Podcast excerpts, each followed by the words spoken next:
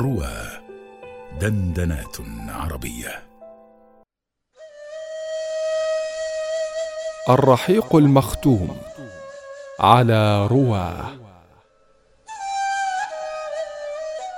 نسب النبي صلى الله عليه وسلم وأسرته.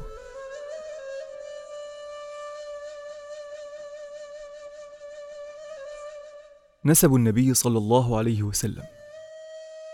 لنسب النبي صلى الله عليه وسلم ثلاثة أجزاء. جزء اتفق على صحته أهل السير والأنساب وهو إلى عدنان. وجزء اختلفوا فيه ما بين متوقف فيه وقائل به وهو ما فوق عدنان إلى إبراهيم عليه السلام. وجزء لا نشك أن فيه أمورا غير صحيحة وهو ما فوق إبراهيم إلى آدم عليهما السلام. وقد أسلفنا الإشارة إلى بعض هذا وهاك تفصيل تلك الأجزاء الثلاثة. الجزء الأول محمد ابن عبد الله ابن عبد المطلب واسمه شيبة ابن هاشم واسمه عمرو ابن عبد مناف واسمه المغيرة ابن قصي واسمه زيد ابن كلاب ابن مرة ابن كعب ابن لؤي ابن غالب ابن فهر وهو الملقب بقريش وإليه تنتسب القبيلة. ابن مالك ابن النضر واسمه قيس ابن كنانة ابن خزيمة ابن مدركة واسمه عامر ابن إلياس ابن مضر ابن نزار ابن معد ابن عدنان.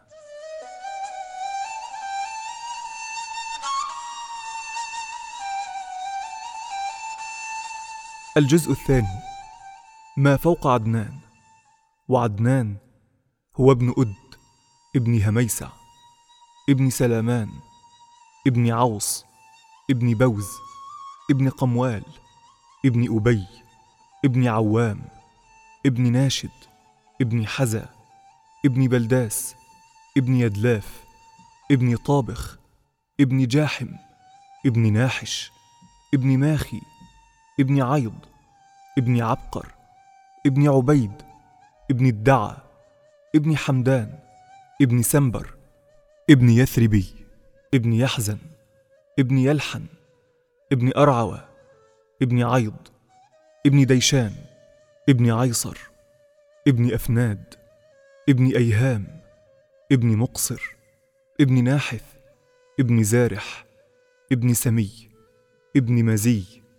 ابن عوضة ابن عرام ابن قيدار ابن إسماعيل ابن إبراهيم عليهما السلام.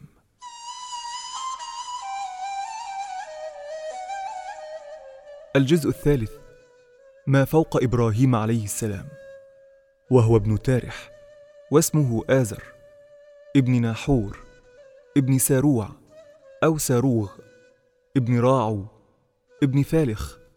ابن عابر ابن شالخ ابن أرفخشد ابن سام ابن نوح عليه السلام ابن لامك ابن متوشلخ ابن أخنوخ ويقال هو إدريس عليه السلام ابن يرد ابن مهلائيل ابن قينان ابن آنوشة ابن شيث ابن آدم عليهما السلام.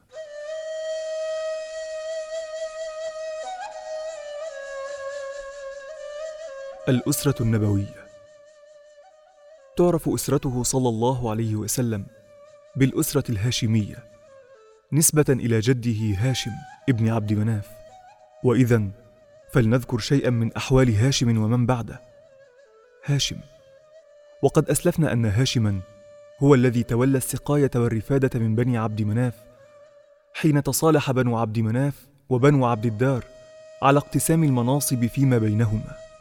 وهاشم كان موسرا ذا شرف كبير وهو أول من أطعم الثريد للحجاج بمكة وكان اسمه عمرو فما سمي هاشم إلا لهشمه الخبز وهو أول من سن الرحلتين لقريش رحلة الشتاء والصيف وفيه يقول الشاعر عمرو الذي هشم الثريد لقومه قوم بمكة مسنتين عجافي سنت إليه الرحلتان كلاهما سفر الشتاء ورحلة الأصياف. ومن حديثه أنه خرج إلى الشام تاجرا فلما قدم المدينة تزوج سلمى بنت عمرو أحد بني عدي بن النجار وأقام عندها. ثم خرج إلى الشام وهي عند أهلها قد حملت بعبد المطلب. فمات هاشم بغزة من أرض فلسطين. وولدت امرأته سلمى عبد المطلب عام 497 ميلادية وسمته شيبة لشيبة كانت في رأسه وجعلت تربيه في بيت أبيها في يثرب ولم يشعر به أحد من أسرته بمكة وكان لهاشم أربعة بنين وهم أسد وأبو صيفي ونضلة وعبد المطلب وخمس بنات وهن الشفاء وخالدة وضعيفة ورقية وجنة. عبد المطلب. قد علمنا مما سبق أن السقاية والرفادة بعد هاشم صارت إلى أخيه المطلب ابن عبد مناف وكان شريفا مطاعا ذا فضل في قومه. كانت قريش تسميه الفياض لسخائه. ولما صار شيبة عبد المطلب وصيفا أو فوق ذلك سمع به المطلب. فرحل في طلبه فلما رآه فاضت عيناه وضمه وأردفه على راحلته فامتنع حتى تأذن له أمه فسألها المطلب أن ترسله معه فامتنعت فقال إنما يمضي إلى ملك أبيه وإلى حرم الله. فأذنت له فقدم به مكة مردفه على بعيره فقال الناس هذا عبد المطلب. فقال ويحكم إنما هو ابن أخي هاشم. فأقام عنده حتى ترعرع. ثم إن المطلب هلك بردمان من أرض اليمن. فولي بعده عبد المطلب. فأقام لقومه ما كان آباؤه يقيمون لقومهم. وشرف في قومه شرفا لم يبلغه أحد من آبائه. وأحبه قومه. وعظم خطره فيهم. ولما مات المطلب وثب نوفل على أركاح عبد المطلب فغصبه إياها فسأل رجالا من قريش النصرة على عمه. فقالوا لا ندخل بينك وبين عمك. فكتب إلى أخواله من بني النجار أبياتا يستنجدهم. فسار خاله أبو سعد بن عدي في ثمانين راكبا حتى نزل بالأبطح من مكة. فتلقاه عبد المطلب فقال المنزل يا خال. فقال لا والله حتى ألقى نوفلا ثم أقبل فوقف نوفل وهو جالس في الحجر مع مشايخ قريش. فسل أبو سعد سيفه وقال ورب البيت لئن لم ترد على ابن أختي أركاحه لأمكنن منك هذا السيف. فقال رددتها عليه فأشهد عليه مشايخ قريش.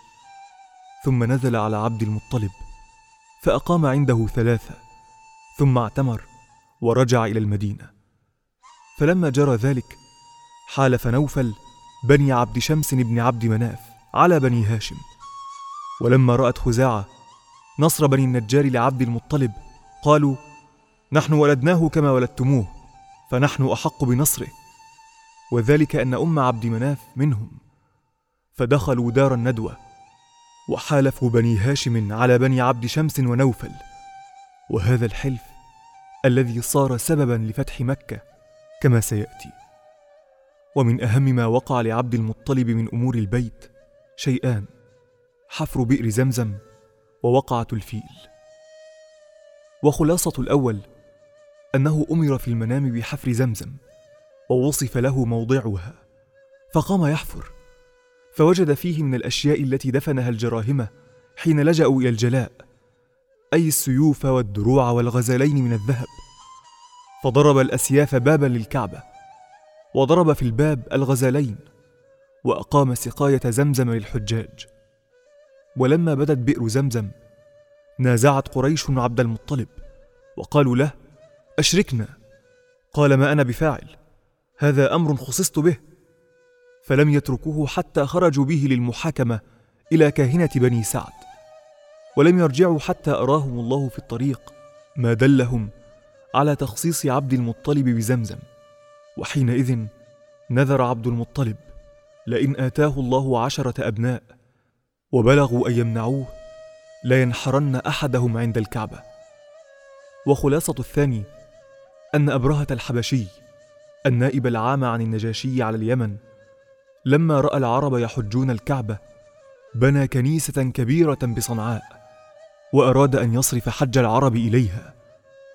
وسمع بذلك رجل من بني كنانة فدخلها ليلى فلطخ قبلتها بالعذرة. ولما علم أبرهة بذلك ثار غيظه وسار بجيش عرمرم عدده ستون ألف جندي إلى الكعبة ليهدمها واختار لنفسه فيلا من أكبر الفيلة. وكان في الجيش تسعة فيلة أو ثلاثة عشر فيلة وواصل سيره حتى بلغ المغمس. وهناك عبأ جيشه وهيأ فيلة وتهيأ لدخول مكة. فلما كان في وادي محسر بين المزدلفة ومنى برك الفيل ولم يقم ليقدم إلى الكعبة. وكانوا كلما وجهوه إلى الجنوب أو الشمال أو الشرق يقوم يهرول. وإذا صرفوه إلى الكعبة برك. فبينهم كذلك إذ أرسل الله عليهم طيرا أبابيل ترميهم بحجارة من سجيل فجعلهم كعصف مأكول. وكانت الطير أمثال الخطاطيف مع كل طائر ثلاثة أحجار حجر في منقاره وحجران في رجليه أمثال الحمص. لا تصيب منهم أحدا إلا صار تتقطع أعضاؤه وهلك وليس كلهم أصابت وخرجوا هاربين يموج بعضهم في بعض فتساقطوا بكل طريق وهلكوا على كل منهل.